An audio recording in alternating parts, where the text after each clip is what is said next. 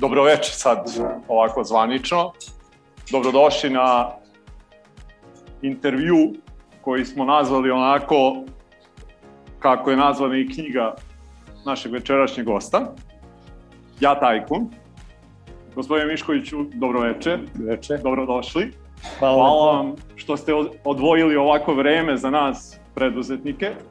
Sad ste isto dok smo sedeli ovamo rekli koliko je važno da razgovaramo jedni sa drugima i sigurno ćemo se kroz naš razgovor dotaći te teme, ali ja bih voleo da se vratimo malo na neke početke i čitajući vašu knjigu jedna od stvari koja mi onako e, zapala odmah za oko bilo je vaše bavljenje sportom i u jednom trenutku ste rekli da ste imali sreću kad vam je pukao mišić. Pre nego što se dotaknem te teme, hteo bih da vas pitam koliko je to što ste se bavili sportom u jednom delu svog života i mladosti bilo značajno kasnije i za biznis i za uopšte vaša neka životna onako viđenja i sve ono što ste kasnije uradili u životu. Pa ovo i tačno je, ja sam kad sam završio srednju školu polagao primni Beogradski ekonomski, u Sarajevu ekonomski i u Osijeku oni su imali razvijen atletski klub, su mu upisali bez prijemnog i normalno da sam u prvom redu umislio na svoje sportske rezultate. Međutim, slobodno mogu da kažem, ja sam veoma srećan čovek. Došao juni, ja sam položio predmoničku obuku i političku ekonomiju kod profesora Vlaškalića, to je čuveni naš profesor na ekonomskom fakultetu, bio je predsjednik, malo ovaj mlađe da podignem, centralnog komiteta Komunističke partije Srbije i bio je jaka ličnost. I to. I zahvaljujući toj povredi, ja sam želeo da budem prvak Evrope. Želeo da se bavim uspeh, da imam uspeh, uspeh u sportu. I onda sam počeo da razmišljam i postavio sam sebi pitanje šta će mi kažu roditelji. I onda seo i pošto predsednem umem dosta dobro da radim, položio šest ispita i jedan imali smo ta, u septembru, jedan smo imali pravo da upišemo drugo, da ga prenesemo za oktobar i položio oktobru ili fidjero godine. Znači, bio sam na ivici. A pošto sam kao sport, a, a, sportista imao i stipendiju koja nije bila mala, dobro smo, dobro smo primali, ja sam relativno dobro živao. I mhm. uopšte nisam razmišljao da treba da se toliko uči. I onda sam razmišljam dalje. Da nisam to učinio, ne znam da li isto imao neke još posebne uspehe, jer imao sam ozbiljnu povredu, ali sigurno je u to vreme bila popularna tombola. Nije kao sada. Svi su imali tombolu. Ja bih prodavao na listićima prste vrlo tanke i prodavao listiće na nekoj tomboli. Ja vam ovo ozbiljno pričam, a, a neću šalu da napravim da bi vas nasmeo, ali e, vrlo loše bi se moja karijera završila da nisam imao tu pobjedu. Mm -hmm. e, koliko često ste imali priliku sad u životu kad se osvrnete možda da su tako neke stvari koje su se u tom trenutku da su delovale loše, a da su kasnije bile nešto što vas je usmerilo ili poguralo u onaj dobar pravac kud biste trebali da idete? Ima mnogo takvih trenutaka, ali ima i kontra trenutaka toga, mm -hmm. koji kreneš dobro pa završiš loše, mm -hmm. ali u principu mora da budeš uporan u to što radiš i onda ćeš sigurno izgurati. Uh, u vašoj knjizi spominjete isto i vašeg oca Đorđa i raznorazne neke dogodovštine sa njim. Šta su neke najvažnije stvari koje ste naučili od oca? Pa prvu trgovinu se naučio od oca. Ja sam im prodavao na vašarima sandale, ono, pa, baletanke, ono, obu, obuću. I on mi kaže, ti mi reci koliko šta. I on kaže, evo 45, ne znam sad, ne mogu da vam objasnim, da li hiljada šta. Kaže, a može da ide do 40. I dođe čovek, kaže, ja mu kažem, 45 to košta. A on kaže, pa ne mogu, skupo mi to. Rekao, 40. A on me gleda i ode ovaj. Dao sam mu ja robu i on ode, kaže, dođe vam. I među 40, 45 imaš i 41, 42, 43, 44. Kaže, svati čoveče, gde se tako prodaje. I onda, znate, onaj što kad pođe, ti ga uhvatiš za ruku, pa kažeš, Mogu da ti dam, ali molim te da nikom ne pričaš. Jel Eto, to primenjivo ta filozofija i danas na... Jeste, apsolutno primenjivo. Ja sam tu stradao u Americi kad sam bio za telefon, to je bilo 84. treće, pete, ne znam tačno. I tad je bio što da imaš telefon u dvorištu da telefoniraš. Znate, ono 80-100 metara izađe tim telefonom i ovi žuti prodaju telefon. Izvinjavam se na izrazu žuti, ali ne znam da su bili, ali su žute rase. I ja kažem, koliko, koliko je telefon? Kaže, 400 dolara. Rekao, ne skupo. Kaže, 300, no pakuj. I odmah ono, pakuj. Bo neću da kupiš, šta ti, šta ti meni pakuješ, ne da kupim. I on kaže, i ja polazi ide, kaže, koliko ti daš? To je vašarski štos. Rekao, 100. Kaže, pakuj. Izradim 80 Evo, moravca koji znam iskustvo, otac me učio i opet sam tradu kod žuti. kroz knjigu kažete u jednom trenutku treba da se zaposlite u jednu firmu i dobili ste savet od, ako se dobro sećam, ja mislim da je prijatelj neki koji vam je rekao da ne birate firmu gde će vam biti lako da, da radite. To i mladima savetu. Znači, najvažnija stvar je mladi da počnu da rade u firmu sad ću tu o, ovim, moja Marija i Tanja da se bune, zato što popustili su sa nekim stvarima i normalno ja uvažavam ta, te no, nova pravila. Znači, mora da počneš da radiš u firmi gde mora da udeš na posao, ne moraš se obučeš da se zna kako se oblačiš, da ima red i disciplina. I ja sam tu sreću imao, počeo da radim u Jugobanci, imao direktora Gvozdana koji je bio vrlo strog i na neki način tu sam počeo da učim red kad mora. Naprimjer, ja se sećam, a, oca odvezem na Vašar u Zajčar, u, ujutru ustanem u dva sata, odvezem njega i vratim se, ali nikad nisam zakasnio na posao. Nikad nisam zakasnio na posao. To je bilo ta pravila. Sad evo oni uvode to i ja normalno ne bunim se ništa da ima klizno neko radno vreme. Tako. Uvažavam pravila. Šta da radim? Menjam se i ja da vam kažem. Jedna od zanimljivih stvari koju kad pročitate u knjizi vašoj je veza između čistih cipela direktora i uspešnosti biznisa. Hoćete da pojasnite Hoću. malo to? Hoću. To sam učio od mog generalnog direktora. On je bio jako pedantan u svemu i normalno. Sve što, sve što isto da se ne bune opet Tanja, sve što mi radimo, mi smo nigde videli to. Mi u Delti nismo ništa izmislili naše baš da bude. Uglavnom to postoji u svetu, Evropi ili na nekom, na, nekom dru, na neki drugi način, ali uglavnom to smo videli, to i ja sam. On je imao izuzetno pedantno čiste cipele i odemo u Kraljevo, kad smo jurili one devize, župa je imala 100% uh, sirovine 100% bile uvozne. Jurili devize, jasen, da se firma, drvo izvozili da kupimo. I mi stignemo u 10 do 10 ispred firme, Jer ako idemo, kaže, ne, ne, sad čekaj da idemo tačno 10, ne, ne, da ne, da ne idemo pre, možda imaju neki sastav, nešto, i mi tačno 10 minuta uđemo, generalni direktor, burek na stolu, kao, e, dobro ste došli, ajde, sedite da jete.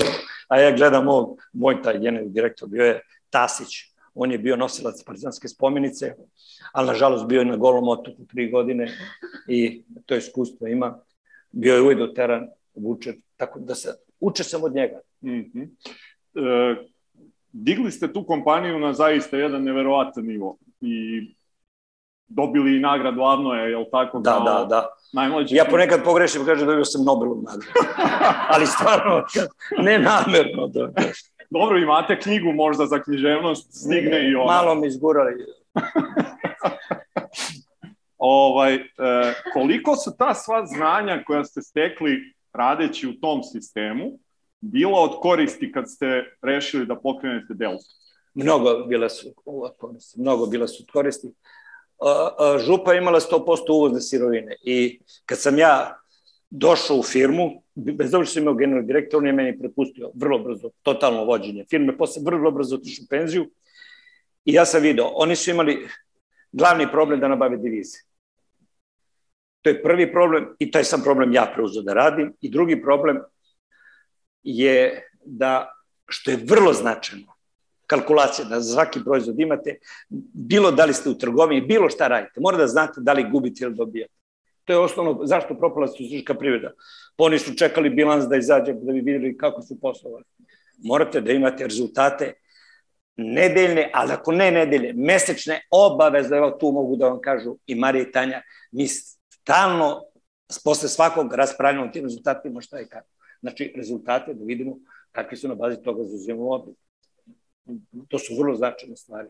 A to je, e, znači imao sam te dve osobe i e, kalkulacije i devize. Devize sam navalio krenuo po Srbiji, normalno, najviše se držao kod, u Požarcu, kod Rakčeta, nekog čuvenog direktora banke, to je jedan izuzetan čovek koga normalno ovaj sistem uhapsili i umro na jedan težak način.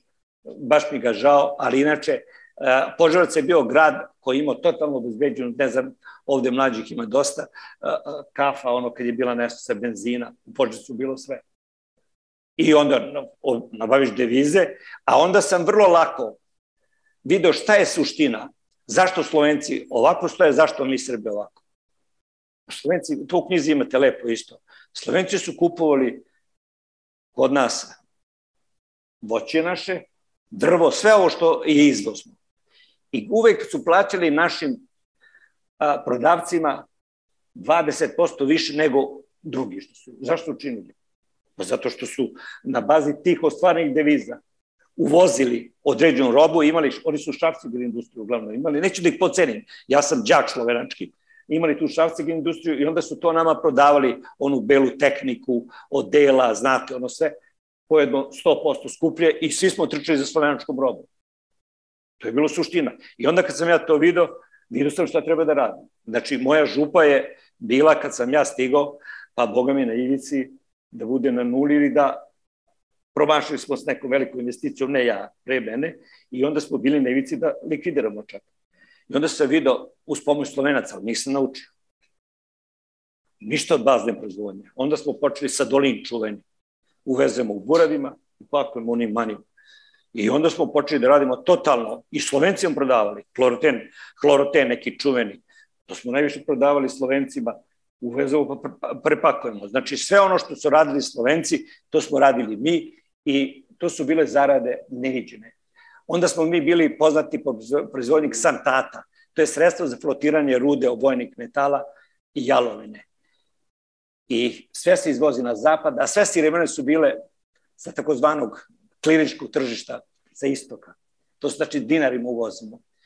I santate smo prodavali, imali smo od 10%, 10 pozitivne razlike dobiti, do 40% gubitaka.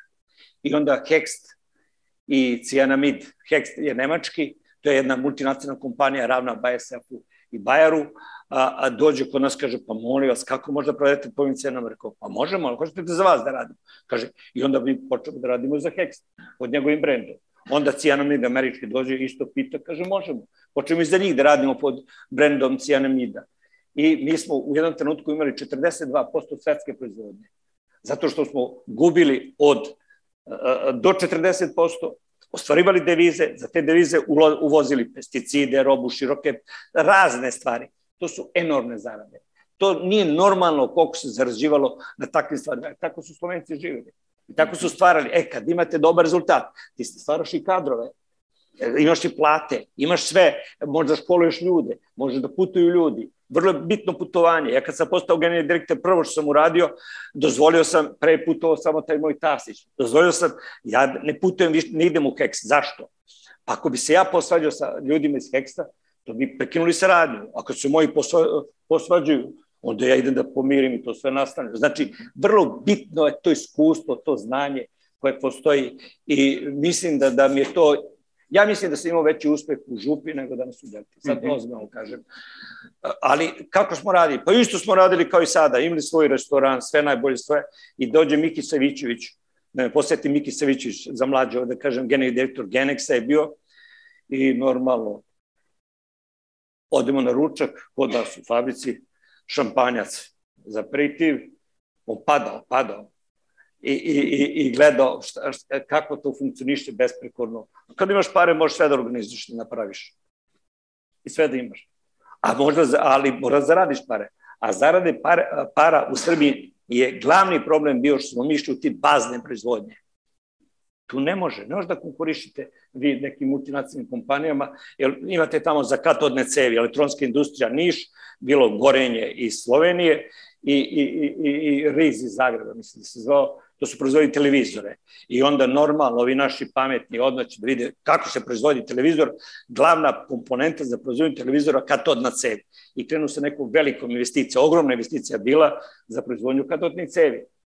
Dok se ta fabrika katodnih cevi završila, pošto uglavnom sve investicije veoma kasne, više se ne ugrađuju katodne cevi u televizor. to, je, to je glupost da jedna mala zemlja poput Srbije ili bilo koje druge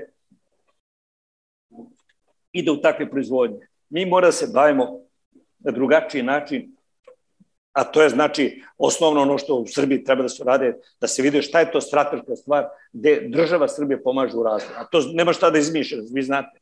To je poljoprivreda je osnovna stvar koju treba da smo mi 45. počeli umesto ovu mašinu gradnju, što smo po Srbiji razvijali, počeli da gradimo navodnjavanje.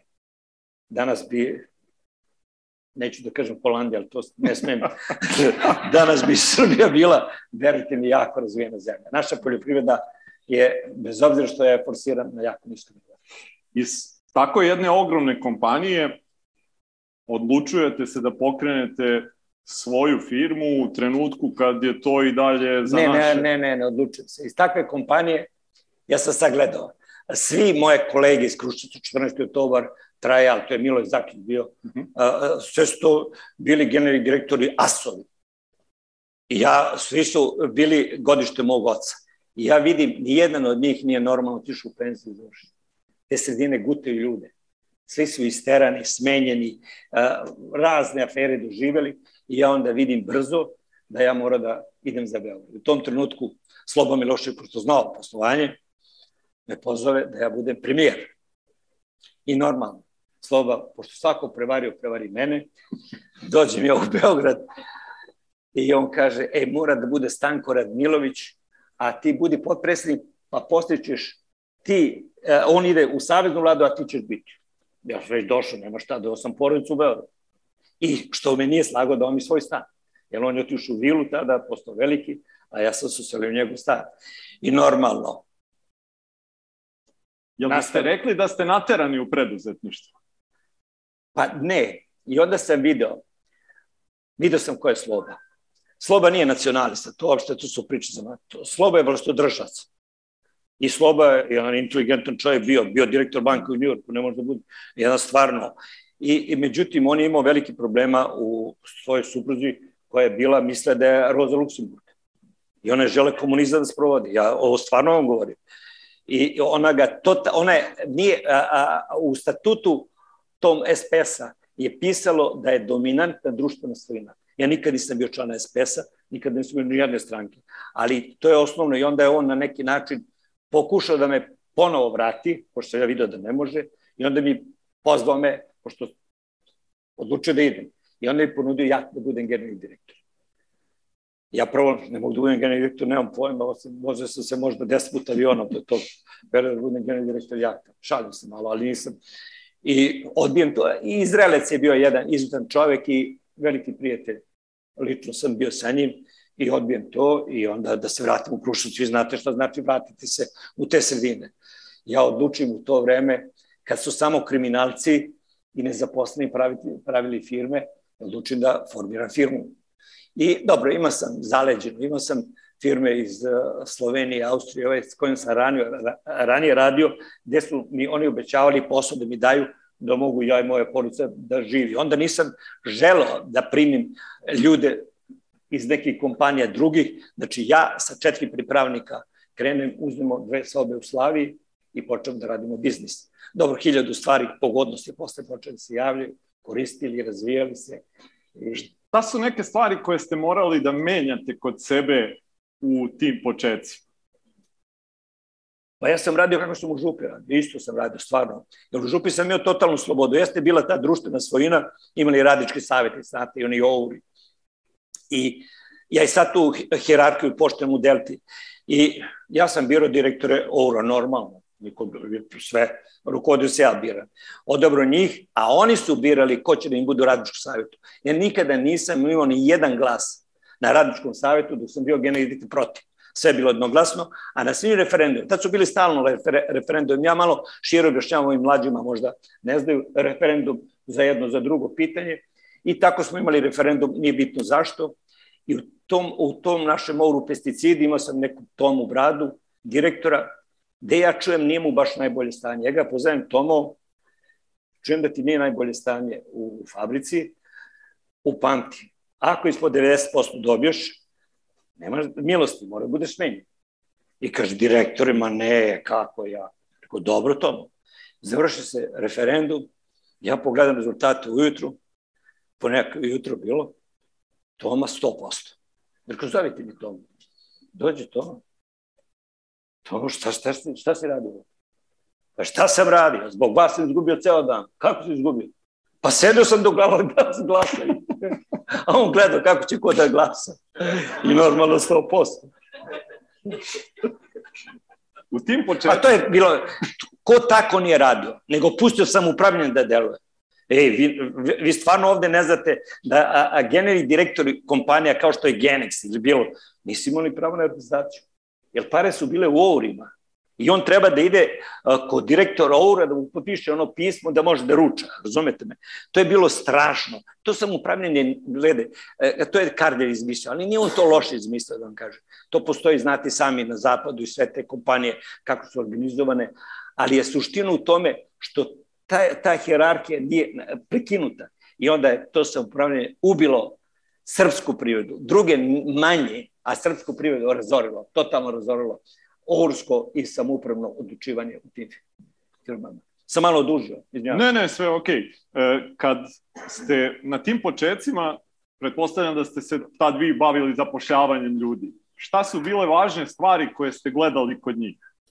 I danas ja koristim taj izraz. Šac metoda. Mm -hmm. Znate šta je šac metoda?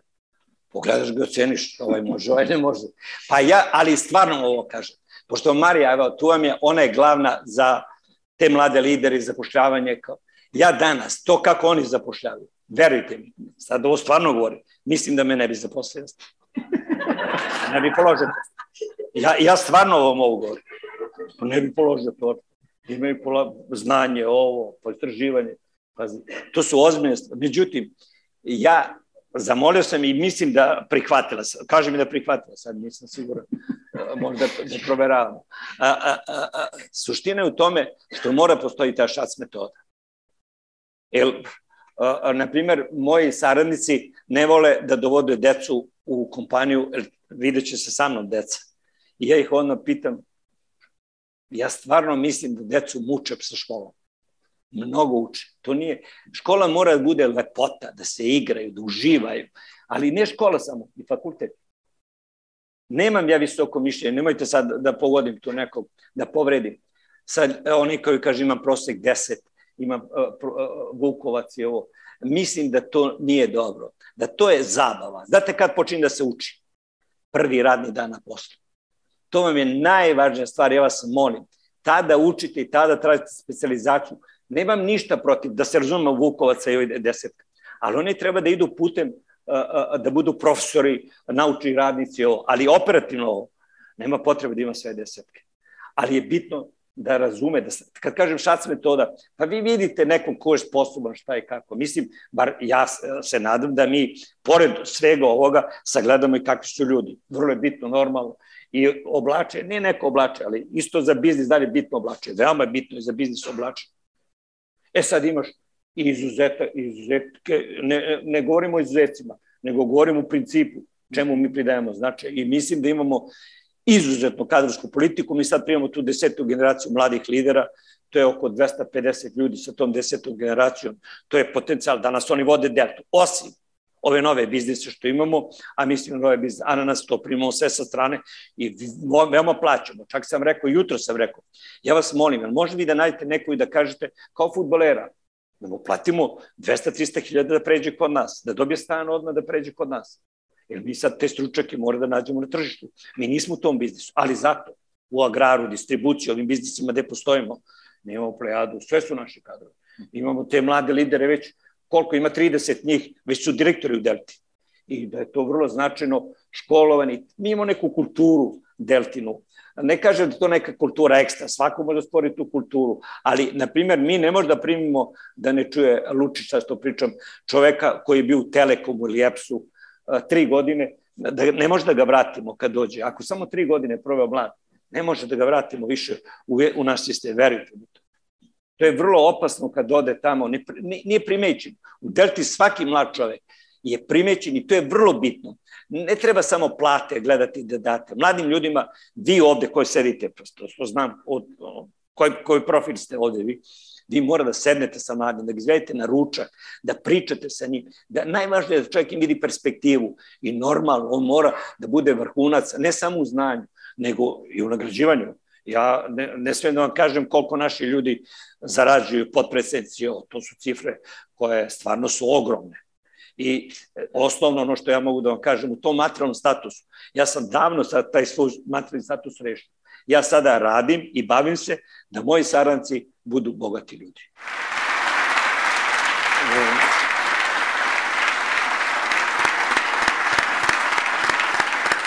Dotakli smo se sad dok smo sedeli ovamo pre početka razgovora jedne teme koja je onako e, i prethodni panel koji smo imali je bio negde posvećen tome različitim tim fazama i jedna onako jako kritična faza je taj deo delegiranja i decentralizacije. I spomenuli ste da je to jako teško. Je li vama to bilo teško u tim početcima? Mnogo teško. Ja sam znao da to mora da uradi. I otprilike ja sam tu decentralizaciju napravio predno 15-16 godina tako. I Ivana Veselinović, ta moja prva sadnica od tih četiri pripravnika koje sam primio kad smo bili u Slaviji, kod nje gužva, dolaze ljudi. Ja gore sam sedim, vrtim olovku. Niko ne dolazi kod mene, zato što sam prenuo to sve posle. I veoma mi teško bio. Mm -hmm. Mnogo je teško odreći se toga. Da, to, to mora da znate. Ali morate to da učinite, verujte mi. A bit će vam teško. Evo, samo vam to poručujem. Morate, ali bit će vam teško. Jer ne možete, sve što, velike odluke ne mogu da budu lagane.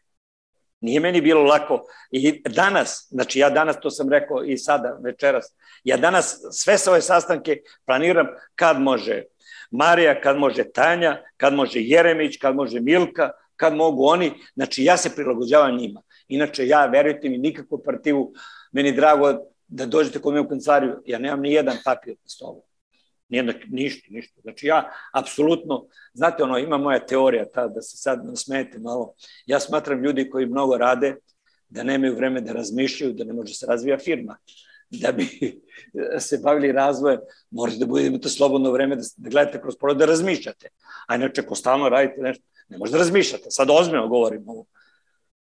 Jeste vi to osvestili sami ili ste... Sam, to sam sam. Mm -hmm. Sam sam vidio da ne možeš da radiš E, imao sam taj period kad sam radio stvaranje delte. Tad sam ustajao mnogo ranije nego sada. Ja sad dosta spavam, kad kažem dosta spavam, 7 sati kad saberemo ukupno. A pre sam ustajao, pogledam mi, 4, pola, 5. I taj period do posla sam razmišljao i dolazio na ideje šta i kako. To su stvarno bili teške. Naravno imati banku, da vam pričam one napise, nije tad bilo tolikih, ali imati banku i da izađe negativni tekst, povuku ljudi pare, pucaš obavezno, nema šta. Tako da ta banka mi je došla do ovde, inače kad smo je prodali uzeli smo dobre pare, ali govorim koliko je teško danas imati nešto u Srbiji, ili jednostavno mogu u parlamentu, nešto u parlamentu, pa znate koliko bilo diskusija o Delti, o Miškoviću, da ne pričam.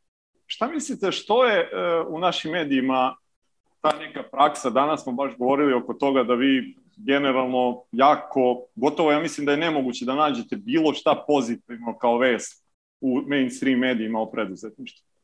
Pa me, e, zašto?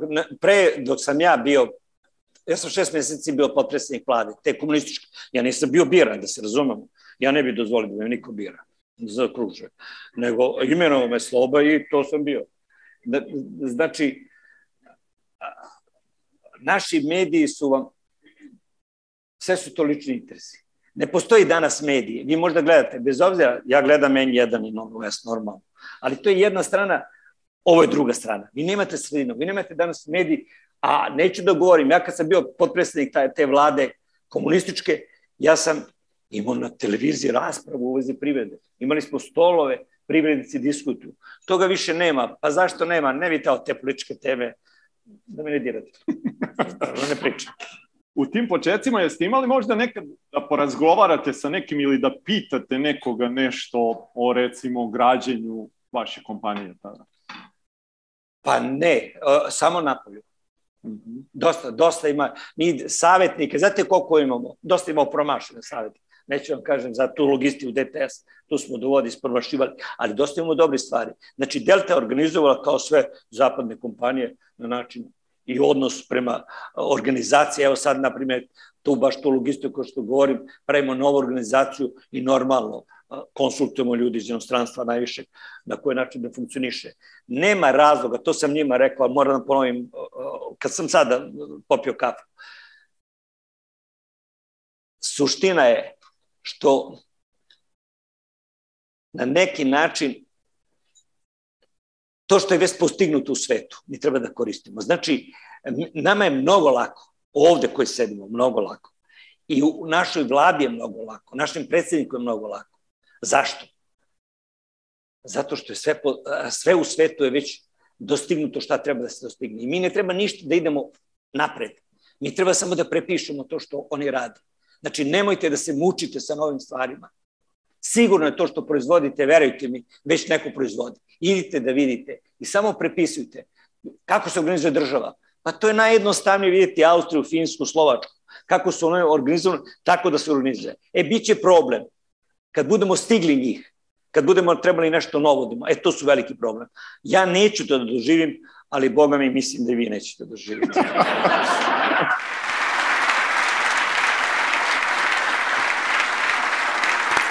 ali, o, o, o, hvala na aplauzu, ali stvarno vam kažem, nemojte ljudi da se mučite, vidite kako se radi. Ja vas, mi to činimo. Mi danas imamo, sad sam rekao, ovo, imamo dva direktora danca generalni direktori u firmi našoj. Ima više savjetnika ti, ali ja govorim o koji rukovode. Jedan da tovi svinje, direktori, a drugi za mleko. E, zamislite sad Velju Ilić i takve moje srbijance, moravce, kaže, e, Mišković doveo iz Danske čoveka da mu tovi svinje. To je nauka to, tovljene svinja. Nauka je dobijanje mleka. Zašto? Mleko nije jednostavno, uopšte nije jedno, jednostavno dobiti 25 litara.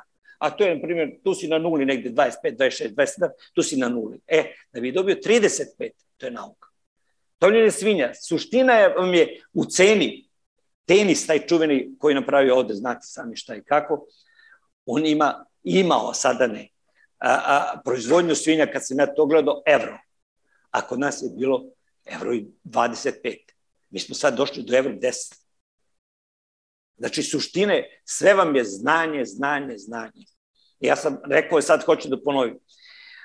Moja želja, ali neću sigurno tu želju da ispunim sebi, da napišem knjigu Znanje, neznanje. Radni naslov.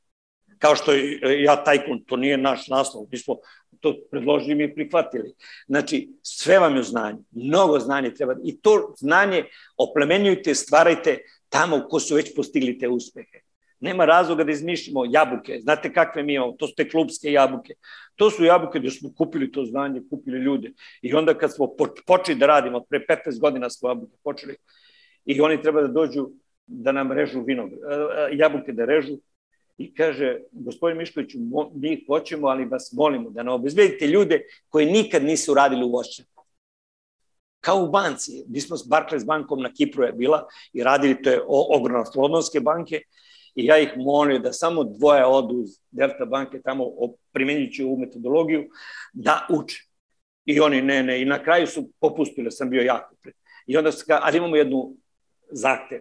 Šta? Da nisu radili u banci. Znači, opasno je kad čovjek nauči naopako, je teško promeniti to. Znači, molim vas, sve vam je u znanju, a sve znanje već uglavnom iz svih domena postoji. Samo treba da ga... I nikad znanje nije skupo da se plati. Mi smo doveli Kubertusa za maloprodaju. To je 800.000 evra, platili smo ga za dve godine. I da nije bilo njega, mi ne bi razbili maloprodaju. Ali da smo ga slušali, kako je on rekao nam, mi pukli. Zašto? Ne može tehnologija kroz zapad da ti dovedeš jednostavnu Srbiju. Znači, to tehnološko znanje da, ali ga prilagoditi našim pravilima. To je vrlo značajno. Ali nemoj da se stidite, ja vas molim, tražite znanje svuda po svetu. Vrlo rado, narošto vaša deca, ako šta, kako, pošto imamo već takve slučajeve, mogu dođu u Deltu da rade ljudi. Ja sam rekao, predlagao sam Milu Đukanoviću, kad sam nekad imao odnose, nemam sad odnose, da ne... predlagao sam, Milo, pošalji 20 mladih u Deltu, pa ne budu godinu dana, pa godinu dana neka odu po Evropi.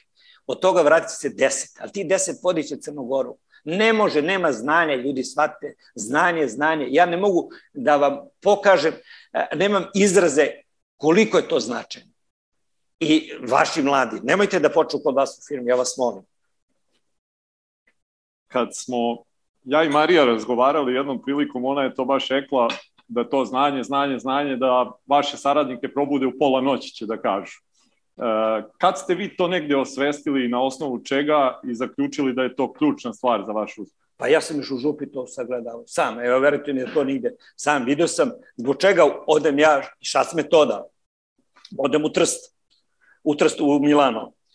Ja pogledam restoran, kako rade oni. Ja pogledam restoran, odličan restoran, ručali. Ja za večeru pitao, kaže, gde će da idemo? Ja mislio, to je jedini restoran najbolje u, u Milanu i nema šta. Rekao, ovde isto, čoveče, šta će meni odlično. Međutim, znate u Milanu da ima isti, isto takve restorana. I suština što ja vidim, za večeru isti konobari me služe. A kod mene, znate kako bilo na Bagdali? Dođu partneri u dva, posvađamo se, dogovorimo, odemo na ručak u tri, u, u pola pet dolazi konobar da zaključi, jer dolazi druga smena i ostajemo do deset. Znači, dve smene moja Bagdala restorana ima u Krušicu. A u Italiji jedna smena. Eto, to, to je prosto znanje. Oni su rade od 12 do 4 i onda rade od 8, 7, ne znam, do, do 11. Znači, to je sve znanje. I vođenje restorana znanje. Sve vam je znanje. I zato kod nas ovo što kad sagledavamo nema rezultata, pa nema rezultata zato što nema znanja. Jer da, da imamo znanje mi ne bi razvijali ovako mašinogradnju, nego bismo ulagali što govorim navodnjavanje i danas bi Srbija, neću da kažem stigla Holandiju, ali bi imala sigurno daleko veći izvoz mm -hmm. nego što danas imamo. Vi znate šta znači poljoprivreda danas malo sam proširio. Ne, ne, sve je okej. Okay. Kad, kad e, govorite o sticanju znanja, šta su bile možda neke vama najprijamčivije metode? Je bilo tad možda neke knjiga ili ste više kroz ne, praksu? Ne, ovo, skupovi raz. I kroz praksu. I odem u hekst i vidim i kako sede i kako se oblače. Znači, šac metoda. To je ta metoda. Odite i vidite kako drugi. Ja vas molim, to osvajate. Ako pošaljete mladog čoveka i kad se vrati vi ga pitate šta si zapazio. Ako ništa drugo, treba da kaže onaj gelender, baš rukom lepo da ga držiš ovo. Pazi, onda taj nemoj da ide više. Ili ima neki, ne mogu da zapazi. Vrlo bitno da mladi ljudi što više vide, jer vidite, mi smo se šalili nekad, ovaj trst, pošto znate, trstu sam dosta trgovao, ovaj trst gotov da propadne. Zašto? Puno radnje robe, čoveče. Kod nas bilo, ne, nema robe i, znaš, Rekao, ovi su gotovi da propadnu. I rekao, uđem ja, pa pokupujem sve ono. Da, znaš, jer to je bilo što kod nas nisi, nisi mogu da kupiš sve, šta hoćeš. Jer nema za druge. Nego može jedan komad da kupiš. Ako sve kupe, ja baš ne briga. I to vam je suština u tom znanju. To znanje u Srbiji se ne ceni, moram da kažem. Kad bi se cenio, onda ne bi ovako stanje bilo ni u državi, ni u privredi. Samo školujte ali nemojte, ja mladi ljude forsiram, ali ne znači da samo mladi, nego svaki onaj čovek koji je sklon i hoće da se menja, ne, on treba da se školuje. Onaj koji kaže, ej, tako radi, moj otac i deda, je, sad mi ti kaže. Nemojte to. Znači, ljudi, ja se menjam svaki dan. I ja imam tu čast i zadovoljstvo što imam mlade ljude koji ne, na neki način, stvarno ovo kažem, ja upuno učim od njih. Znači, vrlo je bitno da se menjamo, vrlo je bitno da usvajamo nova pravila, novo znanje, jer tako jedino možda napredujemo da stignemo u Evropu. Jer mnogo zaostajemo, verujte mi, u svakom pogledu kad je Evropa u pitanju. U svakom pogledu. Organizacija države, to vam je osnova svega. Osnova. Znate koliko je teško voditi Deltu, a zamislite voditi Srbiju. Koje znanje tu treba? ogromno znanje, neću da vam kažem ministarstva i drugo da govore. Znači, to je osnova, ovo, ja stalno znam da ću biti dosadan s tim, ali je znanje osnova razvoja svakog društva. E, kroz knjigu se navodi jedna zanimljiva situacija kupovine dva Opela koju vi nazivate prvim strateškim planiranjem. E, koliko je važno i da li ste vi od e, samog početka imali jasno definisane planove? Pa ne, u tom trenutku sam imao da sam želeo da imam Opel Olimpiju, to znate su ono prad, skoči žmigavac i se zađe ovako i to je bilo i kupim auto, međutim nije bilo rezervnih delova, ja kupim još jedan. Pa smo imali dva da, za rezervne delove. Mm -hmm. I to je bila atrakcija a, a, sa tim automobilima. Normalno, živio sam jako dobro i to je vreme studija kad sam švercovao tu šminku, nije to tajna u velikim količinama. Ali, znate kako, u studentskim domama je tamo pisalo, ama ne kupujemo baš ništa. Zato što tamo dosuđivali svi, ovo, kucaju na vrata. E, kad se pojavi sa šminku, kažem, one ulaze unutra i uletao sam, da ne kažem kako su bilo obučene, I ja gledam njih, oni pokupili sve. Tako da, da ne pričamo o gubicima, to su prvi gubici koji se, kad, kad se žene kupili. Uh, jel u početcima Delte jesu postojali planovi? Jeste ih imali jasno definisani? Ne, ne, ne, to se rađalo. Mm -hmm. Kako sam imao, ja sam imao da, da nisam smeo da se vratim, kako se vratim u Krušta, shvatite, mislim da znate svi na neki način šta bi doživao da se vratim. Mm -hmm. I onda sam odlučio da počnem sa tom. Onda se posle dešavale promene i onda ti raste apetit. Ali vi ne možete, na primjer, kad sam ja postao finansijski direktor župe, to kad sam došao, ja dobijem kancelariju, veliki sto, ono sve. Ja kažem, kako bi ja voleo ovde da čekam penziju, ovo bi za mene bio najveći uspeh. Jer to je, to, ali apetiti rastu, posle kad sam, pa generalni direktor postane. I onda sam video, onda se gledavaš dalje šta. I onda se video, neće dobro da se završi ako stanem dug u generalni direktor. U tim sredinama, te manje sredine jedu ljude, to mora da znate. I zašto? Da, ja da sam napustio Beograd kad sam prodao banku, ne bi doživao hapšenje i ovo sve što sam doživao. Tako da, znači, bio sam rođen da idem dalje, međutim, ja smatram da je ovo moja zemlja, ja hoću ovde da živim, da radim, hoću da stvaramo ovako kako to Delta danas radi, a nekad, nadam se da će to da se ceni, da se uvidi. I sada ja mogu slobodno da vam kažem, bez obzira, mi više nemamo tih problema direktno sa državom, nemamo ni neku pomoć, ali ono što je suština, što mi iz Delta, sigurno sam da većina od vas ovde, mi ne radimo sa 50% privrede. Kako 50%? Pa danas vam je budžet mislim oko 13 do 14 milijardi evra, pa javna preduzeća, pa kad, kad odete, to okupno što pod kontrolom države je skoro 50% ukupnog poslovanja privrede. Mi sa njima ne radimo. A znate kako nastali ovi bogati ljudi, i odnosno veliki biznismeni u Češkoj, uh, Babiš, uh, Kelneš koji je poginuo, nažalost, i ovo, oni su nastali, svi imaju, svi imaju te a, a, prirodne monopole, da kad kažem prirodne monopole, mislim na telekom, na struju, na, na te, te stvari. Oni su na, ta, a, na zamislite da Delta ima telekom. Pa mi bi onda razgovarali pošto španski telekom da kupimo. Ali mi to ni, mi u Srbiji nemamo ništa od tih. Zašto? Nas država nikada, uvek se, a, nas je na neki način a, a, bila protiv nas. Ne znam koji izraz adekvatni da nađe i ne možete vi, država je stvorila odnos da danas vi ovde koji sedite normalno i ja sa vama, mi nismo popularni, nismo cenjeni mnogo. To je zato što u Rusiji je sasvim drugačije. Ja bih volio da samo država odluči, ali ovde najvažnija stvar je da napadneš tajkune, oni su pokrali, tu nema šta dalje, a onaj čovjek prođe pored Crown plaze i pogleda, e, ovo mogu da kupi baš, ma daj, nemoj im pričaš, ovo je ukrao. To vam je zato što oni ne pite, niti znaju. Deltino, Delta jeste da radi distribuciju agrarovo, ali naše osnovno je stvaranje kompanije i prodaje tih kompanija. Prodaje tih kompanija, to vam, mi, smo, mi danas, naš kapital kompanije je skoro 800 miliona evra, ali nije došlo iz profita ovog redovnog poslovanja, nego prodajem kompaniju. Zato kad dostignete neki nivo, ako traže neko da kupi, slobodno to prodajte, Pa ide tu nove cikluse, nove, nove poslove. Mm. Tako da to je moja preporuka, da znate. A vrlo rado savjetnik, bio sam tu čak savjetnik iz Novog Sada jedne kompanije nije poslušala i pogrešila. A onaj Milo Đurašković koji bio sa mnom u zatvoru, da ne pričam to. Pazi, šta, uh, Štrabak, izvinite, ne, ne mogu u trenutku, Štrabak dođe i hteo da kupi, pošto mi bili tu finansijski investitor, nismo se bavili tim, ali smo dali pare, 49% smo bili, i ponudio nam 200 miliona za sve puteve. I Milo, mlad čovjek, popalio se, zvali ga kralj puteva. I on je mislio, ej, šta ja da radi kao prodam ovo? I on otkači ovo i onda mi prodamo Milu, posle smo pokapsili. I kako završio? Završio u zatvoru a, a nudili mu ljudi 200 miliona. Ovde moraš vrlo osetljiv da budeš za svaku odluku, ali najjača odluka je stvoriš biznis i kada prodaješ mora da bude u vrhuncu kad je dobro stanje. Sad se prodaju kompanije, sad se ne kupuje, ja vas molim. Ako je neko u agraru, nemojte agrar danas, zbog visokih cena ratarskih kultura, a da danas vi znate, zemlja je skočila u nebesa.